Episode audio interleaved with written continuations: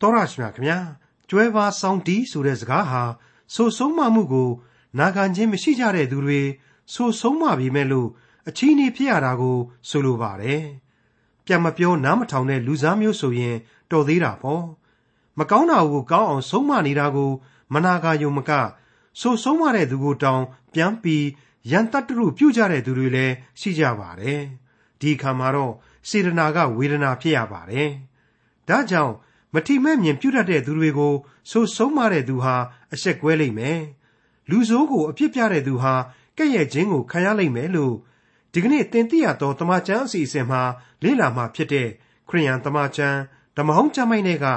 တုတ်တန်ကျမ်းအခန်းကြီး9မှာဖော်ပြထားပါတယ်။ပညာရှိတဲ့သူကိုဆုံးမရင်ပိုးပြီးပညာရှိလာလိမ့်မယ်။ဖြောင့်မတ်တဲ့သူကိုတွင်တင်ရင်သိပ္ပံအတတ်တိုးပွားလိမ့်မယ်လို့လည်းဖော်ပြထားပါတယ်။ ပြက်အစဉ်ပြင်ခနာဆိုတဲ့လူမျိုးနဲ့ပြက်အစဉ်ပြင်မရဆိုတဲ့လူမျိုးတို့ရဲ့ဇယိုင်းနှစ်ခုဖြစ်ပါတယ်။ခိုးစားတဲ့မုံကပိုးပြီးချိုတယ်လို့ဆိုရကြတဲ့မိုက်မိုက်မဲမဲလူတွေဟာအဲ့ဒီမှာသင်ချိုင်းရှိတယ်ဆိုတာမသိတော့ဘဲနဲ့မိုက်တွင်းနဲ့တက်ကြတဲ့အကြောင်းလဲဖော်ပြပါရှိတဲ့တုတ်တန်ကျန်အခန်းကြီး9ကိုဒေါက်တာထွန်းမြတ်အေးကအခုလိုလေ့လာသုံးသပ်တင်ပြထားပါတယ်။ တင်သိရသောတမန်ကျန်ရဲ့မိတ်ဆွေတော်တတ်ရှင်အပေါင်းတို့ခမညာကမ္ဘာလောကကြီးအတွင်းသို့မိဘအရေးကိုခွာပြီးတော့ရှောက်လှမ်းဝင်ရောက်ရမယ်လူငယ်လူရွယ်ကလေးတွေအားလုံးနဲ့တကွအပြစ်ဒုစရိုက်နွန်တွင်းမှသာပျော်မွေ့ခြင်းတတ်သူကျွန်တော်လူသားများအားလုံးတို့အတွက်ဘုရားသခင်ဤဘက်တော်သားများရှိနေတဲ့မင်္ဂလာရှိရာအရာဘုရားသခင်ကိုကြောက်ရွံ့ယိုသေးခြင်းနဲ့ဘုရားသခင်ကိုခိုးလှုံရာအရေးသို့မဟုတ်ဉာဏ်ပညာကိုပေးစွန်းနိုင်တဲ့တက္ကသိုလ်ကနေပြီးတော့ ခေါင်းလောင်းတန်ဒီတီးခတ်ပြီးတော့ခေါ်ငင်နေတဲ့အသံတွေကိုကျွန်တော်ကြားနာခဲ့ရပါပြီဟုတ်ပါတယ်ပြီးခဲ့တဲ့သုတ်တန်ကျမ်းအခန်းကြီး၈ဟာဆိုရင်ကျွန်တော်မိတ်ဆွေတို့နဲ့တကွအပြက်လန်းရေအသက်လန်းရေလမ်းနှစ်သွယ်တို့ရဲ့အကြောင်းကိုဂဂနနကြားနာခဲ့ကြရပြီးခဲ့တဲ့ကျွန်တော်ရဲ့လူလင်ပြိုကလေးတွေလုံမပြိုကလေးတွေအားလုံးကိုအခုလိုစတင်ပြီးတော့ဏိဒံပြိုဖိတ်ခေါ်ခဲ့တာပဲဆရာကိုသုတ်တန်ကျမ်းအခန်းကြီး၈ရဲ့ဏိဒံဘိုင်းကိုပြန်ဖတ်ကြည့်မယ်ဆိုရင်မိတ်ဆွေတို့ပြန်တွေ့ရမှာပါ ဉာဏ်ပညာသည်ခေါ်၍မိမိအသံကိုလွှင့်သည်မဟုတ်လော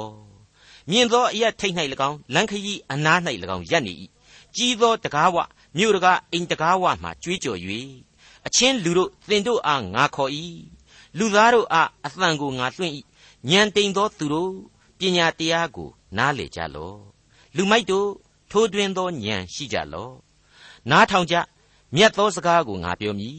မှန်သောတရားစကားကိုငါနှုတ်မြွက်မည် ငါနှုတ်ထွက်စကားသည်တမာတရားနှင့်သာဆိုင်၍ငါနှုတ်ခမ်းတို့သည်ဒုစရိုက်ကိုဆက်ဆုပ်ယွန်းရှာ၏ငါဟောပြောသမျှသောစကားတို့သည်ဖြောက်မတ်၍ကောက်သောသဘောဖောက်ပြန်သောသဘောနှင့်ကင်းစင်ကြ၏နားလေသောသူ၌အလုံးစုံရှင်းလင်း၍ပညာကိုရသောသူတို့အားဟုတ်မှန်ကြ၏ငွေအရင်ငါနီးကို၎င်းမြတ်သောရွှေအရင်ပညာအတက်ကို၎င်းခံယူကြလော့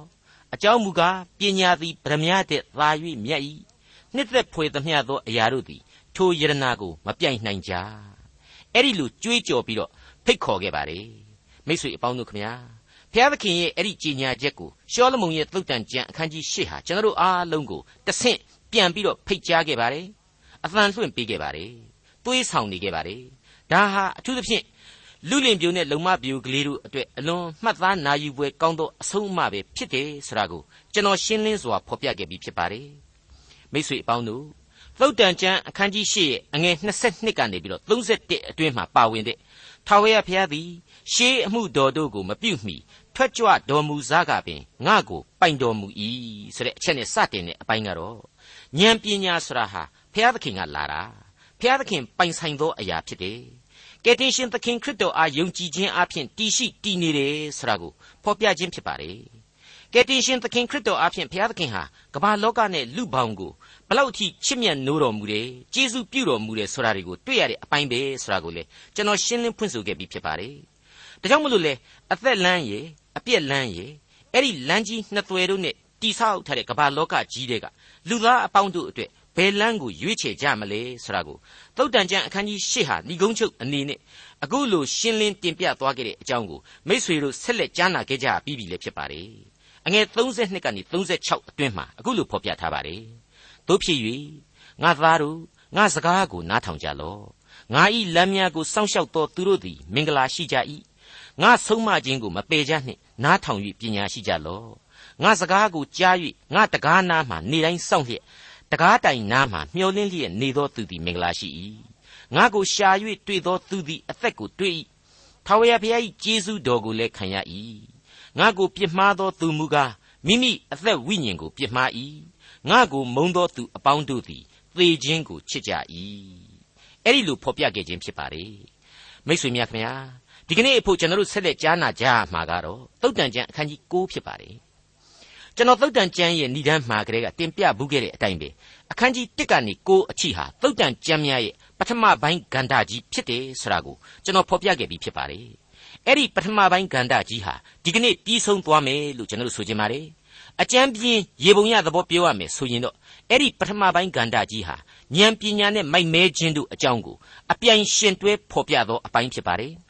ဒီနေရာမှာတော့ဒီပထမပိုင်းကိုကျွန်တော်တို့အခန်းကြီး9အားဖြင့်ဒီကနေ့သင်ခန်းစာမှာအဆုံးသတ်သွားမှာဖြစ်ပါတယ်အဲ့ဒီလိုပထမပိုင်းကိုဒီအခန်းကြီး9ဟာဘယ်လိုများအဆုံးသတ်ဖော်ပြသွားမယ်ဆိုတာကိုစတင်နားဆင်ကြကြပါစို့သုတ်တန်ကျမ်းအခန်းကြီး9အငယ်1မှ5 ဉာဏ်ပညာသည်အိမ်တိုင်ခုနှစ်တိုင်ကိုခုတ်၍မိမိနေရာအိမ်ကိုဆောက်လေပြီသူ၏အကောင်များကိုသတ်၍စပြည့်ရည်ကိုဖော်ပြီးမှဇပွဲကိုခင်းလေပြီကျွန်မတို့ကိုဆေလွှတ်၍မြို့တွင်အမြင့်ဆုံးသောအရက်တို့၌ကြွေးကြော်လေသည်ကားဉာဏ်တိမ်သောသူသည်ဤအရက်သို့ဝင်စေအိုးပညာမရှိသောသူ လာလော့ငါမုံကိုစားလော့ငါဖော်သောစပြည့်ရည်ကိုတောက်လော့ဉာဏ်ပညာဤအိမ်တဲ့ အဲ့ဒီအိမ်ကြီးဟာအခြေခံအားဖြင့်တိုင်ခုနှစ်တိုင်နဲ့ဆောက်တာတဲ့ဘလောက်အောင်ဖို့ကောင်းလေဖျားသခင်ဟာခုနှစ်ရက်ကိုတိကျတဲ့ရက်တရပတ်အဖြစ်သတ်မှတ်ပြီးတော့သူ့ရဲ့အမှုတော်ကိုပြီးမြောက်စေတဲ့နေ့အဖြစ်သတ်မှတ်ခဲ့တယ်ဆိုတာကိုကဘာဦးကျမ်းတွေအရာကျွန်တော်တို့ရှင်းလင်းစွာတွေ့ခဲ့ရပြီးပါပြီအဲ့ဒီတိုင်းပါပဲအခန်းကြီး6တုန်းကဆိုရင်တော့ဆက်ဆုပ်ယွန်ရှာတော်မူသောအချက်9ချက်ဖျားသခင်မုံတော်မူယုံသားမကဘူးဆက်ဆုပ်တယ်ယွန်ရှာတယ်ဆိုတဲ့အချက်9ချက်ဆိုတာကိုကျွန်တော်တို့ကြားနာခဲ့ကြပြီးပါပြီ ဒါကြောင့်မလို့ခုနှစ်ကဏန်းဆရာဟာဘုရားသခင်အထူးပြုထားသောကဏန်းဖြစ်တယ်ကျွန်တော်တို့ကိုပို့ပြီးတော့အလေးအနက်ထားစီခြင်းနဲ့ကဏန်းပဲဖြစ်တယ်ဆိုတာကိုကျွန်တော်ရှင်းလင်းဖော်ပြခဲ့ပြီးပါပြီမိတ်ဆွေအပေါင်းတို့ခမညာအခုဆိုရင်အိမ်တိုင်ခုနှစ်တိုင်တဲ့အဲ့ဒါဟာအဲ့ဒီလိုပြီးမြောက်စိတ်ဆုံခြင်းရဲ့လက္ခဏာကြီးကိုဖော်ကျူးလိုက်တာပဲဖြစ်ပါတယ်အခုကျွန်တော်တို့ကြားနေခဲ့ရတဲ့ဉာဏ်ပညာနဲ့ပြည့်စုံသောအိမ်ကြီးဟာကယ်တင်ရှင်သခင်ခရစ်တော်အဖင်ပေးအပ်လိုက်တဲ့အသက်တရား ကယ်တင်ရှင်ကျေးဇူးတော်တို့နဲ့ပြည့်ဝစုံလင်ခြင်းရှိနေတဲ့မင်္ဂလာရှိသောသူတို့ရဲ့အယက်ဒေသလို့ကျွန်တော်ဆိုချင်ပါတယ်မင်္ဂလာရှိသောသူတို့စုဝေးရာစိန်လန်းသောအယက်အသက်လမ်းပေါ်ကလူသားတို့တည်ရှိရာအယက်လို့လည်းကျွန်တော်ပြောချင်ပါတယ်အတိတ်သုတ်တန်သင်ခန်းစာတွေမှာဆိုရင်ထိုမိမ့်မဤအိမ်ဆိုပြီးတော့အိမ်တလုံးအကြောင်းကိုကျွန်တော်တို့ဂဂနနနားလေအောင်လို့နှုတ်ကပတ်တော်ဟာဖော်ပြခဲ့ပြီးပါပြီအဲ့ဒါဟာကျွန်တော်တို့နားလေထိတွေ့ခဲ့ရပြီးပြီဖြစ်တဲ့စာရမဏတ်ရဲ့အပြည့်ရိပ်သဘောတရားပဲ ကာမဂုဏ်အာယုန်တို့လွန်ကဲရာလောကအသွေးအသားဆန္ဒတို့ဖောက်ပြန်ပျက်စီးဆုံးရှုံးရာအရက်ဒေသတစ်ခုဆိုပြီးတော့ကျွန်တော်ဝိသေသပြုဖော်ပြခဲ့ပါတယ်ထိုမိမ့်မကြီးအိမ်တဲ့အခုတိုင်ခုနှစ်တိုင်နဲ့တိဆောက်စေခြင်းနဲ့ဉာဏ်ပညာဤအိမ်ဆိုတာတော့တခြားမဟုတ်ဘူးခရစ်တော်အားဖြင့်တလုံးတဝတည်းခံစားရတဲ့ကျေးဇူးတော်အပေါင်းခံကြောင်းသောအိမ်ကြီးတစ်ခုအဖြစ်တင်စားလိုက်တာပဲလို့ကျွန်တော်ဆိုပြရစီ ဒီကျမ်းတဲ့ကသူ၏အကောင်တို့ကိုတတ်၍စပြည့်ရည်ကိုဖော်ပြီးမှစပွဲကိုခင်းလေပြီဆိုတာဟာအမှန်တော့ပွဲတော်ကြီးတစ်ခုကျင်းပပြီးတော့ပျော်ကြတယ်ဆိုတဲ့အတိတ်ပဲဖြစ်ပါတယ်ဒါကိုတချို့ကမကြိုက်ကြပါဘူးကျွန်တော်ကတော့ကြိုက်ပါတယ်ရှင်လုကာခရစ်ဝင်ကျမ်းကပျောက်သောသားကြီးပြန်လာချိန်မှာပျောက်သောသားငယ်ပြန်လာချိန်မှာသူ့အဖေကြီးဟာဘယ်လိုလုပ်ခဲ့တလဲအကောင်းဆုံးသောညစာစားပွဲကြီးနဲ့ပျော်ခဲ့တယ်ပျော်ခဲ့ယုံနေမကသေးဘူးအဲ့ဒီသားအတွက်လေတာဝန်ဒီကိုအနှင်းနဲ့ ဖြောင့်မတ်ခြင်းတရားဝိယုံဒီကိုအသစ်လဲလှယ်ပေးခဲ့တယ်ဆိုတာဒီကိုကျွန်တော်တို့ရှင်းလင်းစွာတွေ့ကြရပြီးဖြစ်ပါတယ်ပြီးတော့တခါခရစ်ဝင်ကျမ်းထဲမှာပဲခရစ်တော်ဟာဂါလိလဲအိုင်နဘေးမှာတပည့်တော်တို့အတွက်ငါးတွေကိုကင်ထားပြီးတော့ကျွေးမွေးပြုစုခဲ့တယ်အဲ့ဒီမှာတာဝန်တွေခွဲဝေအနှင်းခဲ့တယ်ယုံကြည်ခြင်းကိုစစ်ဆေးမေးမြန်းခဲ့တယ်တခါ အဲ့ဒီခရစ်ဝင်ကျမ်းထဲကပုံပြင်ဥပမာတော်တွေထဲမှာကြည့်လိုက်မယ်ဆိုရင်လေအခုလိုပဲစားဖောက်ပွဲကြီးခင်းကျင်းပြီးတော့ပျော်ပွဲကြီးကျင်းပခဲ့တယ်လူတွေကိုလိုက်ပြီးတော့ဖိတ်ကြားစေခဲ့တယ်ဆိုတာဒီကိုဖော်ပြပေးခဲ့သေးတယ်ဆိုတာကိုအမှတ်ရစေချင်ပါတယ်တချို့ကက်ကက်ဖဲ့ဖဲ့မြင်တတ်တဲ့လူတွေကတော့စပြည့်ရည်ဆိုတာဟာအရက်တောက်တာကိုပြောတာလို့အပြစ်တင်ကြပါတယ်အဲ့ဒီရှေးကာလဓမ္မသမိုင်းတစ်လျှောက်လုံးမှာစပြည့်ရည်နဲ့ပျော်ရွှင်ခြင်းဆိုတာဟာဘာမှမဆန်းပါဘူးဘယ်သမိုင်းကြောင်းမှမှမကင်းခဲ့ပါဘူး စပြည့်ရည်ကိုသေသောက်ကျူးပြီးတော့မူရစ်ရန်ကားတာမျိုးကိုလေဒီကျမ်းပိုင်းမှာအားပေးအားမြောက်လုပ်ထားတာမတွေ့ရပါဘူးခခရစ်တော်ကိုယ်တော်တိုင်ဒီလိုပွဲခံခြင်းအကြောင်းနဲ့ပတ်သက်လို့ဖော်ပြခဲ့တဲ့ပုံပြင်ဥပမာရှိခဲ့သေးတယ်ဆိုတာကိုကျွန်တော်ကပြောတော့ရှင်မသက်ခရစ်ဝင်ကျမ်းအခန်းကြီး22အငယ်1ကနေ14ကိုပြန်ပြီးတော့ကိုးကားပြခြင်းပါတယ်စိတ်စိတ်နားဆင်ကြည့်ကြပါတဖန်ယေရှုသည်ဥပမာကိုဆောင်၍ပရိသတ်တို့အားမိန့်မွက်တော်မူသည်ကားကောင်းကင်နိုင်ငံတော်သည် မိမိသားအဖို့ထိမ်းမြားမင်္ဂလာဆောင်ပွဲကိုစီရင်သောမင်းကြီးနှင့်တူ၏ထိုမင်းကြီးသည်ဖိတ်ပြီးသောသူတို့ကိုခေါ်စေခြင်းဟာလူလင်တို့ကိုစေလွှတ်သောအခါထိုသူတို့သည်မလာဘဲနေကြ၏တဖန်အခြားသောလူလင်တို့ကိုစေလွှတ်၍ငါပွဲကိုငါပြင်ဆင်ပြီးနွားမှဆ၍စူဖြိုးသောတိရစ္ဆာန်များကိုတတ်၍ပြီးပြီးအလုံးစုံတို့သည်အသင့်ရှိပြီးမင်္ဂလာဆောင်ပွဲသို့လာကြပါဟုဖိတ်ပြီးသောသူတို့အားပြောကြဟုမှာလိုက်ပြန်၏သို့တော်လည်းထိုသူတို့သည်နားမထောင်ဘဲအချို့တို့သည်မိမိလေသို့သွားကြ၏ အချို့တို့သည်ကုံသွေရာသို့သွားကြ၏ညင်းသောသူတို့သည်လည်းလူလင်တို့ကိုဖမ်းဆီး၍ညှင်းဆဲခြင်းအသေးသက်ခြင်းကိုပြုကြ၏ထိုမင်းကြီးသည်ကြားလျင်အမျက်ထွက်၍စစ်ချီစေသဖြင့်လူအသက်ကိုတတ်သောထိုသူတို့ကိုအပြီးလှုပ်ကြံ၍သူတို့မြို့ကိုမိရှို့လေ၏ထိုနောက်မှမင်းကြီးသည်လူလင်တို့ကိုခေါ်၍ငါ၏မင်္ဂလာဆောင်ပွဲသည်အသင့်ရှိ၏ခေါ်ဖိတ်သောသူတို့သည်မထိုက်မတန်သောကြောင့်လမ်းမလမ်းကြားသို့သွား၍တွေ့သမျှသောသူတို့ကိုပွဲသို့ခေါ်ဖိတ်ကြဟု အမိန့်တော်ရှိသည့်အတိုင်းလူလင်တို့သည်လမ်းများသို့ထွက်သွား၍ကောင်းမကောင်းတွေ့သမျှသောလူအပေါင်းတို့ကိုစုဝေးစေ၍ပွဲတော်၌အပြည့်ရှိလေ၏မင်းကြီးသည်ပွဲ၌လျောင်းသောသူတို့ကိုကြည့်ရှုခြင်းဟာဝင်တော်မူသောအခါမင်္ဂလာဆောင်ပွဲဤအဝတ်ကိုမဝတ်ဆင်သောသူတစ်ယောက်ကိုမြင်လျင်အဆွေမင်္ဂလာဆောင်ပွဲဤအဝတ်မရှိဘဲအဘယ်ကြောင့်ဝင်သနည်းဟုမေးတော်မူသည်ကိုထိုသူသည်မပြောနိုင်ဘဲနေ၏ထိုအခါမင်းကြီးသည်အချံအယံတို့အားထိုသူ၏လက်ခြေကိုတုံ့နှောင်လော့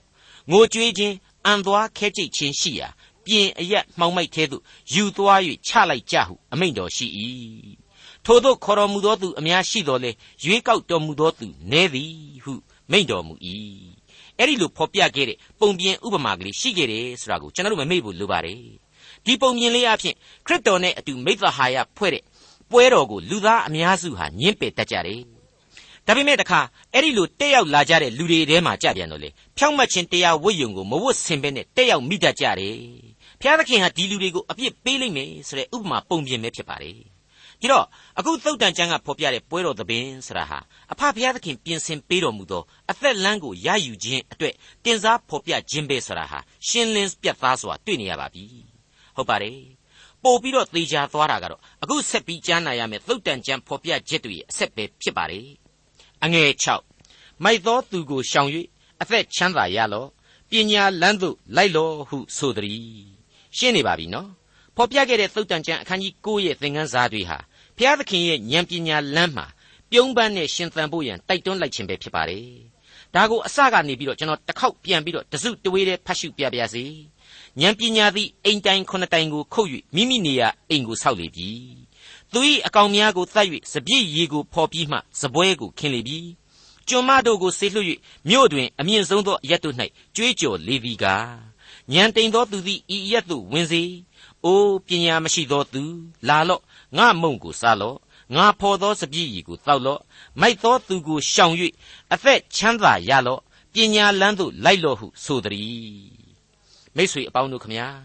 ကယ်တင်ရှင်သခင်ခရစ်တော်အားဖြင့်ရယူနိုင်တဲ့ ဉာဏ်ပညာဆရာဟာအသက်လန်းကိုဖြစ်စေတယ်ဆိုရင်ယုံကြည်သူလူသားတို့ရဲ့အသက်တာဟာဘာများနစ်နာเสียအကြောင်းရှိပါသလဲဆုံးရှုံးเสียအကြောင်းရှိပါသေးသလဲဘာများပူဆွေးသောကရောက်နေเสียအကြောင်းကိုရှိပါသေးသလဲဆိုတဲ့အချက်တွေကိုကျွန်တော်အကျယ်တဝင့်စဉ်းစားမိပါတယ်အမှန်တော့ကျွန်တော်ရဲ့ယုံကြည်ခြင်းတရားဆိုတာဟာဘုရားသခင်ထံမှဝိညာဉ်တော်ကိုအဖို့အခစယံအဖြစ်ခံယူရတဲ့ဘဝဖြစ်တယ်ဆိုတာကိုဂလာတိဩဝါဒစာမှာရှင်းလင်းစွာတွေ့ကြရပြီဖြစ်ပါတယ်ဒီတော့ ကျွန်တော်ရဲ့ယုံကြည်ခြင်းအသက်တာများဟာကျေးဇူးတော်ချီးမွမ်းရာဘဝများပဲဖြစ်နေပြီဆိုတာရှင်းလင်းစွာပေါ်နေပြီမဟုတ်ဘူးလား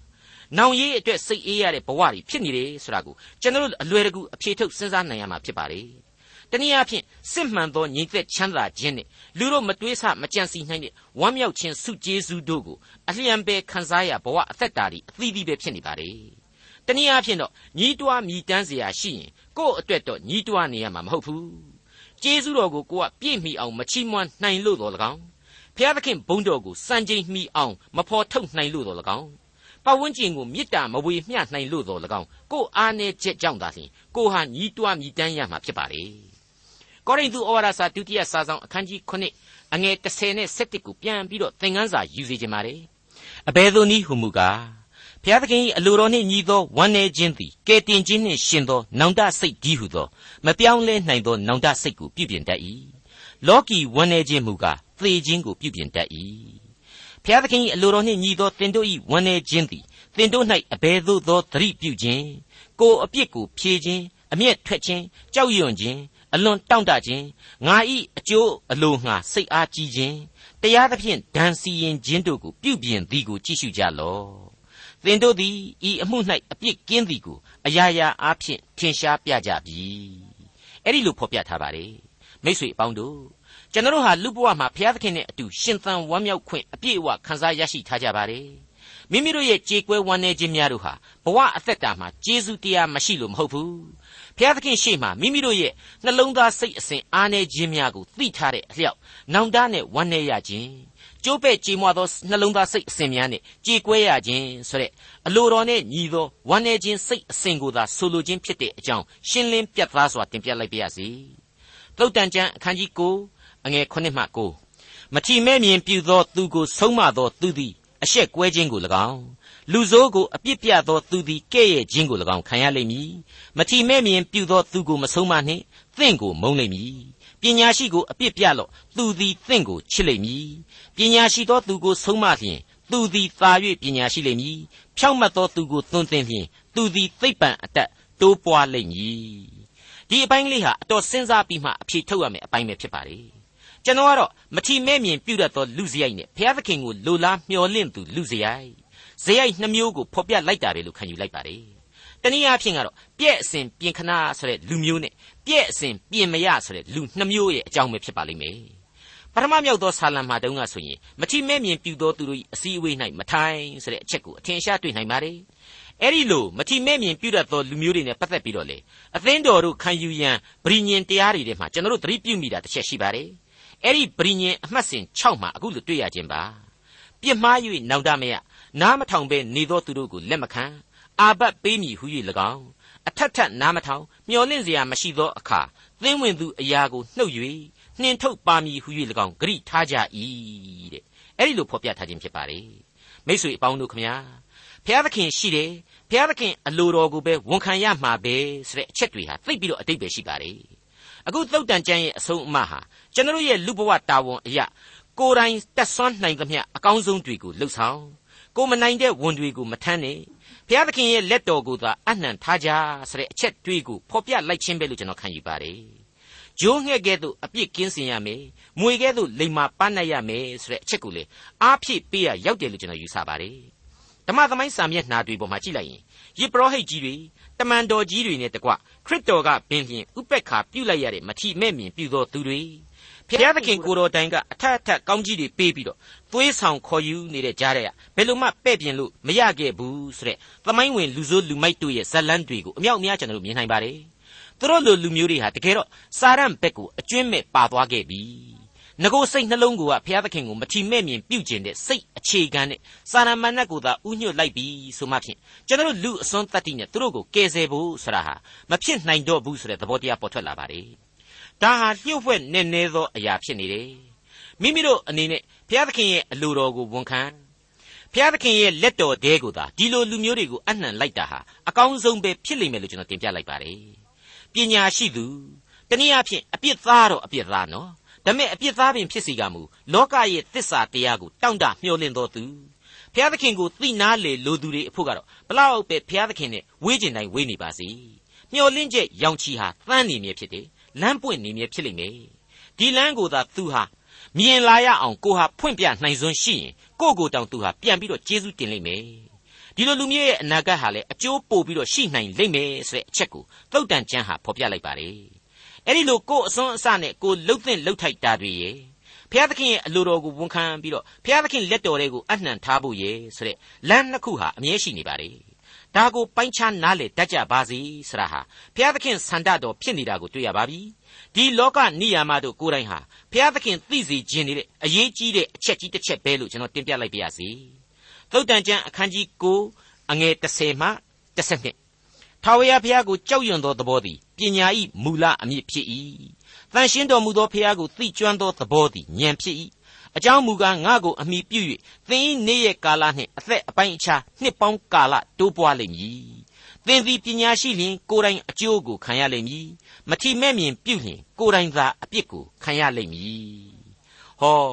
ကျွန်တော်အခုနကကြားခဲ့ရတဲ့အချက်ဟာပို့ပြီးရှင်းလင်းသွားပါပြီကိုယ်တိုင်အကျိုးကိုခံရမယ်ဆိုတဲ့အပိုင်းနဲ့ ကိုယ်တိုင်အပြစ်ကိုခံရမယ်ဆိုတဲ့အပိုင်းအခြားကြီးနှစ်ခုကိုဘုရားသခင်စီးသားခြားနာပေးလိုက်ပါပြီအခုခေတ်မှာ social science ဆိုတဲ့လူမှုရေးသိပ္ပံကဖော်ထုတ်တွေ့ရှိလာတဲ့သုတေသနအဖြေတွေဟာလူသားတွေရဲ့အပြစ်တရားကိုဆန်းစစ်လေ့လာပြီးတော့သူများတွေကိုသိပ်ပြီးတော့အပြစ်တွေပုံချနေကြတယ်လူတယောက်ပျက်စီးတာဟာပဲသူ့မိဘမကောင်းလို့သူ့ပတ်ဝန်းကျင်မကောင်းလို့စသဖြင့်စသဖြင့်ပေါ့ဒီအကြောင်းတွေနဲ့ပတ်သက်ပြီးတော့သိပ္ပံအမြင်တွေဟာမကောင်းဘူးလားဆိုရင်ကောင်းပါလေမဆိုးလှပါဘူး ဒါပေမဲ့အကျွင့်မဲ့ပြည့်စုံပြီလို့တော့ကျွန်တော်တို့မခံယူတိုက်ဘူးဒါကိုကျွန်တော်ဟာပြီးခဲ့တဲ့သင်ခန်းစာဒီမှာလည်းဖော်ပြခဲ့ပြီးပါပြီသိသိချာချာတွေးကြည့်ကြပါဒါတွေဟာအပြစ်ဒုစရိုက်အကြောင်းကိုစဉ်းစားရမှာသူများတွေကိုပါအတင်းလက်ညှိုးထိုးပြီးတော့အပြစ်တင်နေတာနဲ့အတူတူပဲဖြစ်နေပြီမဟုတ်ဘူးလားအမှန်တော့လူဖြစ်လာကြတဲ့ကလူတိုင်းဟာအပြစ်စာတိပဂရိအသွေးအသားအဖြစ်ပင်လျင်အပြစ်သားကြီးပဲအပြစ်ဗီဇဟာမွေးတဲ့ပါလာတာကြီးပါပဲ ဒါကိုသိနာလေထားရင်ဘာကြောင့်များသူများတွေကိုမကောင်းလို့ကိုမကောင်းပါဘူးဆိုတာမျိုးသူများတွေကိုအပြစ်ပုံချရမှာလေကိုနဲ့ကိုစိတ်ဝိညာဉ်နဲ့သာလျှင်အားပြိုင်ပြီးတော့အဖြေကိုရှာနိုင်စွမ်းမရှိကြတော့ဘူးလားအဲ့ဒီလိုသာဘုရားသခင်ဖော်ပြတဲ့နှုတ်ကပတ်တော်ကိုဆင်ခြင်နှလုံးသွင်းပြီးတော့ကိုယ့်ရဲ့ကိုယ်ဝိညာဉ်နဲ့ကိုယ်တိုင်ဟာနှိမ့်ချယိုကျိုးစွာအဖြေရှာမယ်သစ္စာတရားကိုမတွေ့တွေ့အောင်ကြိုးစားမယ်ဆိုရင်ဘလောက်အကျိုးကျေးဇူးကြီးမားနိုင်တယ်လေကြီးမားလိမ့်မလေမိဘနဲ့ပတ်ဝန်းကျင်ကဘလောက်ပဲမကောင်းပဲဖြစ်နေခြင်းနေပါစေ ကိုဟာဉာဏ်ပညာနဲ့ဘုရားသခင်ကိုချစ်ကြောက်ယိုသေးသောသူဖြစ်မလာရတော့ဘူးလားဒီအချက်တွေကိုကျွန်တော်တို့မိကွန်းထုတ်ချင်ပါတယ်မိษွေတို့ကိုလည်းဆင်ခြင်သုံးသပ်စေချင်ပါတယ်အဲ့ဒီလိုပါပဲမိဘနဲ့ပတ်ဝန်းကျင်ကကောင်းပါလျက်နဲ့ကိုကထူးထူးကဲကဲဖောက်ပြန်ပျက်စီးရတာမျိုးကြတော့ရောဘယ်လိုပြောကြမလဲဒါဟာကိုယ့်ရဲ့ဇာတိပဂရိစိတ်အခြေအနေအတွင်းကိုကိုယ်ကိုယ်ပိုင်ဝိညာဉ်စိတ်ဓာတ်နဲ့သာပြန်ပြီးတော့ပဲ့ပြင်ယူနိုင်ရင်ဘာကြောင့်ပြန်ပြီးတော့မပြုတ်ပြင်နိုင်ရမလဲဆိုတာဒီကိုကျွန်တော်အကြာကြီးပဲစဉ်းစားနေမိပါတယ် ကြိမ်ဖန်များစွာလဲတွေးတောဆင်ခြင်နေမိပါတယ်အဲ့ဒါတွေနဲ့ပတ်သက်ပြီးတော့သင်သိရသောသမာကျမ်းကိုမြန်မာနိုင်ငံခရိယန်ကောင်စီတို့ YWCA လို့ခေါ်တဲ့ခရိယန်ကလျာဏယူဝရီအသင်းကြီးတို့ကကျင်းပခဲ့တဲ့သင်တန်းတွေမှာကျွန်တော်ကတော့ပြက်ပြက်သားသားပဲတင်ပြပေးခဲ့ပါတယ်သင်သိရသောသမာကျမ်းကပေါ်ထွက်လာတဲ့အမြင်တွေကိုကျွန်တော်တင်ပြပေးခဲ့ခြင်းဖြစ်ပါတယ်သင်တန်းသူသင်တန်းသားအများစုဟာလက်ခံနာယူခဲ့ကြတယ်ဆိုတာကိုတွေ့ရလို့ကျွန်တော်များစွာလဲဝမ်းမြောက်မိပါတယ်ဟုတ်ပါတယ် ဇာတိပဂရိအရာဘင်းလျင်အပြစ်ရှိနေသောကျွန်တော်ရဲ့တာဝန်ဟာခရစ်တော်နဲ့ဘုရားသခင်စီကဝိညာဉ်တော်အားဖြင့်ပြုပြင်ပြောင်းလဲဖို့သာလျှင်အဓိကဖြစ်တယ်လို့ကျွန်တော်ဆိုချင်ပါတယ်မိษွေတော်တတ်ရှင်အပေါင်းတို့သုတ်တန်ဆရာရဲ့ဖော်ပြချက်ဟာကောင်းလွန်းလို့ကျွန်တော်တကြော့ထပ်မံပြီးတော့တင်ပြခြင်းပါတယ်ထာဝရဘုရားကိုကြောက်ရွံ့သောသဘောသည်ပညာ၏မူလအမြစ်ဖြစ်၏တန်ရှင်းတော်မူသောဘုရားကိုသိကျွမ်းသောသဘောသည်ဉာဏ်ဖြစ်၏သင်သည်ပညာရှိလျင်ကိုယ်တိုင်အကျိုးကိုခံရလိမ့်မည် မထီမဲ့မြင်ပြုလျင်ကိုယ်တိုင်သာအပြစ်ကိုခံရလိမ့်မည်ကိုယ်နဲ့ကိုယ့်ရဲ့နှလုံးသားစိတ်အစဉ်အတွင်းမှာဘုရားသခင်ကိုကြောက်ရွံ့ယူသေးကြပါနှုတ်ကပတ်တော်ကိုကြိုးစားလိုက်နာကြည့်ပါဘသူကိုမှတရားစွဲနေเสียမလို့ပဲကိုဟာကိုစေတနာရဲ့အကျိုးအတိုင်းမင်္ဂလာရှိသောသူတစ်ယောက်ဖြစ်လာစေရမယ်လို့ကျွန်တော်အာမခံလိုက်ပါရစေသုတ်တန်ကျမ်းအခန်းကြီး9အငယ်73မှ78မိုက်သောမိမသည်စကားသံကျဲ၍ညံတိမ်သဖြင့်အရှင်းမသိတတ် မိမိအိမ်တကားနာတွင်မြို့မြင့်ရာအရက်အနေအထိုင်ပေါ်မှထိုင်လျက်လမ်းနှင့်တဲ့တဲ့ခရီးသွားသောသူတို့ကိုခေါ်၍ညံတိမ်သောသူသည်ဤအရက်သို့ဝင်စေ။အိုပညာမရှိသောသူခိုးသောရေသည်ချို၏တိတ်ဆိတ်စွာစားသောမုံလည်းမြိန်သည်ဟုဆိုရ၏။ထိုအရက်၌သင်ချိုင်းသားရှိကြောင်းထိုမိမ၏ဧည့်သည်တို့သည်မရဏနိုင်ငံအ내ဆုံး၌နေကြောင်းကိုထိုယောက်ျားသည်မသိမမှန်ဒါဟာမိမဆိုးတယောက်ရဲ့တကယ်ပုံစံကိုဖော်ကျူးတယ်လို့ကျွန်တော်မထင်ပါဘူး ဣသရေလလူအဖွဲ့အစည်းကမိမပြက်ဟာပျောင်ပျောင်တင်းတင်းမဟုတ်တာလုပ်မယ်ဆိုရင်ခဲပေါက်ပြီးတော့အဆုံးစီရင်ခံရမှာဖြစ်တယ်လို့အဲ့ဒီဣသရေလပတ်ဝန်းကျင်ဒေသတစ်ခုခုကမိမပြက်တယောက်ဟာလေအာရှနဲ့အရှိအလဲပိုင်းယဉ်ကျေးမှုအရာအခုလိုအသံကိုချဲ့ပြီးတော့လာကြပါပျော်ကြပါပါကြပါဆိုတာမျိုးလုပ်မယ်လို့ကျွန်တော်မထင်ပါဘူးလုပ်ဝတ်မယ်လို့ကျွန်တော်အရှင်းမထင်ပါဘူးဒါဆိုရင်ဒီမိမပြည့်ရဲ့အကြောင်းကိုအခုအရင်တီဖော်ပြလိုက်တာဟာသုတ်တန်ကျမ်းတစ်လျှောက်လုံးကဖော်ပြလာခဲ့တဲ့ထိုမိမ၏အိမ်ကိုရည်ညွှန်းခြင်းသာဖြစ်တယ် ထိုမိမ၏အိမ်ဆိုတာဟာဖျားသခင်ကိုဆန့်ကျင်တဲ့အပြစ်မှောင်မိုက်ကြီးစိုးသောကဘာစာရမဏေရဲ့အဖွဲ့သားတို့ရဲ့ကြောက်မဲ့ဖွယ်အပြစ်လန်းကိုတင်စားဖွဲ့ဆိုဖော်ပြလိုက်ခြင်းပါပဲကျွန်တော်အထက်ထပ်တင်ပြခဲ့တယ်လို့ဇာတိပဂရိမှာပင်လျင်အသွေးအသားနဲ့ဆန္ဒရမဲ့ပူလောင်ခြင်းတွေပြင်းထန်စွာဖိစီးနေရတဲ့လူသားတိုင်းတို့အတွက်ရည်ညွှန်းလိုက်ခြင်းဖြစ်တယ်လို့အထူးသဖြင့်လူငယ်လူရွယ်ကလေးတွေလုံမကလေးတွေအားလုံးအတွက်ပါဖျားသခင်သိစေခြင်းနဲ့အဆုံးအမတစ်ခုသာဖြစ်ပါတယ်တဲ့တဲ့ခရီးသွားနေသူတို့ကိုခေါ်၍တဲ့ ကြောက်เสียမကောင်းဘူးလားဝတ်ဖြူစင်ကြယ်ဝတ်ထားတဲ့လူတွေပါတယ်နော်ကျန်းစာအုပ်ဂျိုင်းရထဲမှာညှက်ထားတဲ့လူတွေလည်းပါတယ်အဲ့ဒီလိုပုံကိုကြီးတွေတောင်ပါတယ်ဆိုရင်ကျွန်တော်တို့မိษွေတို့လိုသာမန်လူတွေအားလုံးအကျုံးဝင်နေတယ်ဆိုတာအထူးပြောနေဖို့လိုတော့မှမထင်ပါဘူးအဲ့ဒီအခါမှာတော့ညံတိန်သောသူတွေအဲ့ဒီနောက်ကိုလိုက်သွားကြစေတဲ့ ပြီးတော့မှအဲ့ဒီလိုညံတိန်တဲ့ပညာမရှိတဲ့လူတွေဟာဒီလိုမဟုတ်တာကိုလုပ်ရမှစိတ်ချမ်းသာတယ် stolen fruit is sweeter ဆိုတဲ့အတိုင်းခိုးစားရမှချိုတယ်လို့ထင်တတ်ကြတယ်မိန်တယ်လို့ထင်တတ်ကြတယ်ဒါကြောင့်မလို့အဲ့ဒီလူတွေအဲ့ဒီအရက်ကိုလိုက်သွားကြဆိုပြီးတော့စိတ်လိုက်မှန်ပါပြောလိုက်တယ်လို့ပဲရှိပါတယ်အမှန်တော့တိုက်တွန်းသည်ဖြစ်စေမတွန်းသည်ဖြစ်စေလိုက်ပါသွားမဲ့လူတွေရဲ့အားနည်းချက်ကိုကြိုပြီးသိနေလို့အခုလိုဆိုလိုက်ခြင်းပဲဖြစ်ပါတယ် အဲ့ဒီလိုညံတိန်ပြီးတော့ပညာမရှိသောသူဆရာဟာအမှန်ကတော့ပြောခဲ့တဲ့ဝတ်ဖြူစင်ကြယ်ဖြစ်စေကျမ်းစာကိုအလွတ်ရနေတဲ့လူပဲဖြစ်စေဘုရားသခင်အပေါ်မှာယုံကြည်ခြင်းအားနည်းပြီဆိုတာနဲ့တပြိုင်နက်တည်းချိနဲ့သွားရတဲ့လူတွေအကုန်လုံးအကျုံးဝင်နေတယ်ခြုံငုံဖော်ပြလိုက်ခြင်းပဲဖြစ်တယ်လို့ကျွန်တော်တင်ပြခြင်းပါတယ်ဒါကြောင့်မလို့လေ ဓမ္မသမိုင်းကပ္ပသမိုင်းစင်မြင့်ဘောကလူပေါင်းမြောက်များစွာတို့ဟာအဲ့ဒီလိုအမှားကြီးတွေကိုကျူးလွန်ပြီးတော့ကြက်တရေရုပ်လျော့ရတဲ့ဘဝတွေသူများစရိတ်ကွက်မှာပက်လက်မျောခဲ့ကြရတယ်ဆိုတဲ့အဖြစ်တွေကိုကျွန်တော်တို့ဟာစာမျက်နှာအသီးသီးမှာထင်ရှားစွာတွေ့ခဲ့ကြပြီဖြစ်ပါတယ်ကျွန်တော်အသေးမစိတ်ချင်တော့ပါဘူးထိုယောက်ျားသည်မသိမှန်ဆိုလို့မိမတွေမပါဝင်ဘူးလို့များရောင်ပြီးတော့တောင်မထင်တိုက်ပါဘူးဣသရေလရှေးကာလလူအဖွဲ့အစည်းမှာယောက်ျားသားတွေကိုအမြဲဥတီပြီးတော့လူအဖွဲ့အစည်းကိုစားထင်ဟပ်ပေါ်လင်းစေပါတယ် အမှန်တော့မိမဖြစ်စေယောက်ျားကြီးတစ်ယောက်ပင်ဖြစ်စေဖျားသခင်ဖန်ဆင်းတော်မူသောလူသားတိုင်းဟာကဘာဦးကလေးကအပြစ်လောကကိုတူပြိုင်အသက်ဆက်ပေးခဲ့ကြရပါတယ်ဒါပေမဲ့ယောက်ျားသားများဟာသွေးဆူလွယ်ကြတဲ့ရုပ်တရက်နဲ့တိဆောက်ထားပြီးတော့အကောင်အထည်ပို့ပြီးတော့ကြီးမားထွားချိုင်းတဲ့လူတွေဖြစ်တယ်တုံးတိုက်တိုက်ကြားကြိုက်ကြိုက်မိုက်သွေးပိုတတ်တယ်ဒါကြောင့်အခုလိုထိုယောက်ျားသည်မသိမှန်ဆိုတဲ့စကားစုနဲ့လူအဖွဲ့အစည်းတစ်ခုလုံးကိုသတိပေးလိုက်ခြင်းဖြစ်ပါတယ် အလင်းဤသားများပြီးသားစွာနဲ့တဲ့တဲ့လျှောက်လှမ်းရနှုတ်ကပတ်တော်အသက်လမ်းကိုမစွန့်ခွာကြဖို့ရန်နဲ့ဖျားသခင်ဤဆုံးမသွန်သင်ချက်တို့ကိုအလေးအနက်ပြုကြယုံမှတပါအခြားဘာမျှမရှိတဲ့အကြောင်းလေးစားစွာတင်ပြလိုက်ပါရစေဒေါက်တာထွန်းမြတ်ရေးစီစဉ်တင်ဆက်တဲ့တင်ပြတော်တမချန်းအစီအစဉ်ဖြစ်ပါတယ်နောက်တစ်ချိန်အစီအစဉ်မှာခရိယန်တမချန်းဓမ္မဟောင်းကျမ်းပိုင်းတွေကတုတ်တန်ကျမ်းအခန်းကြီး30ကိုလေ့လာမှာဖြစ်တဲ့အတွက်စောင့်မျှော်နားဆင်နိုင်ပါတယ်။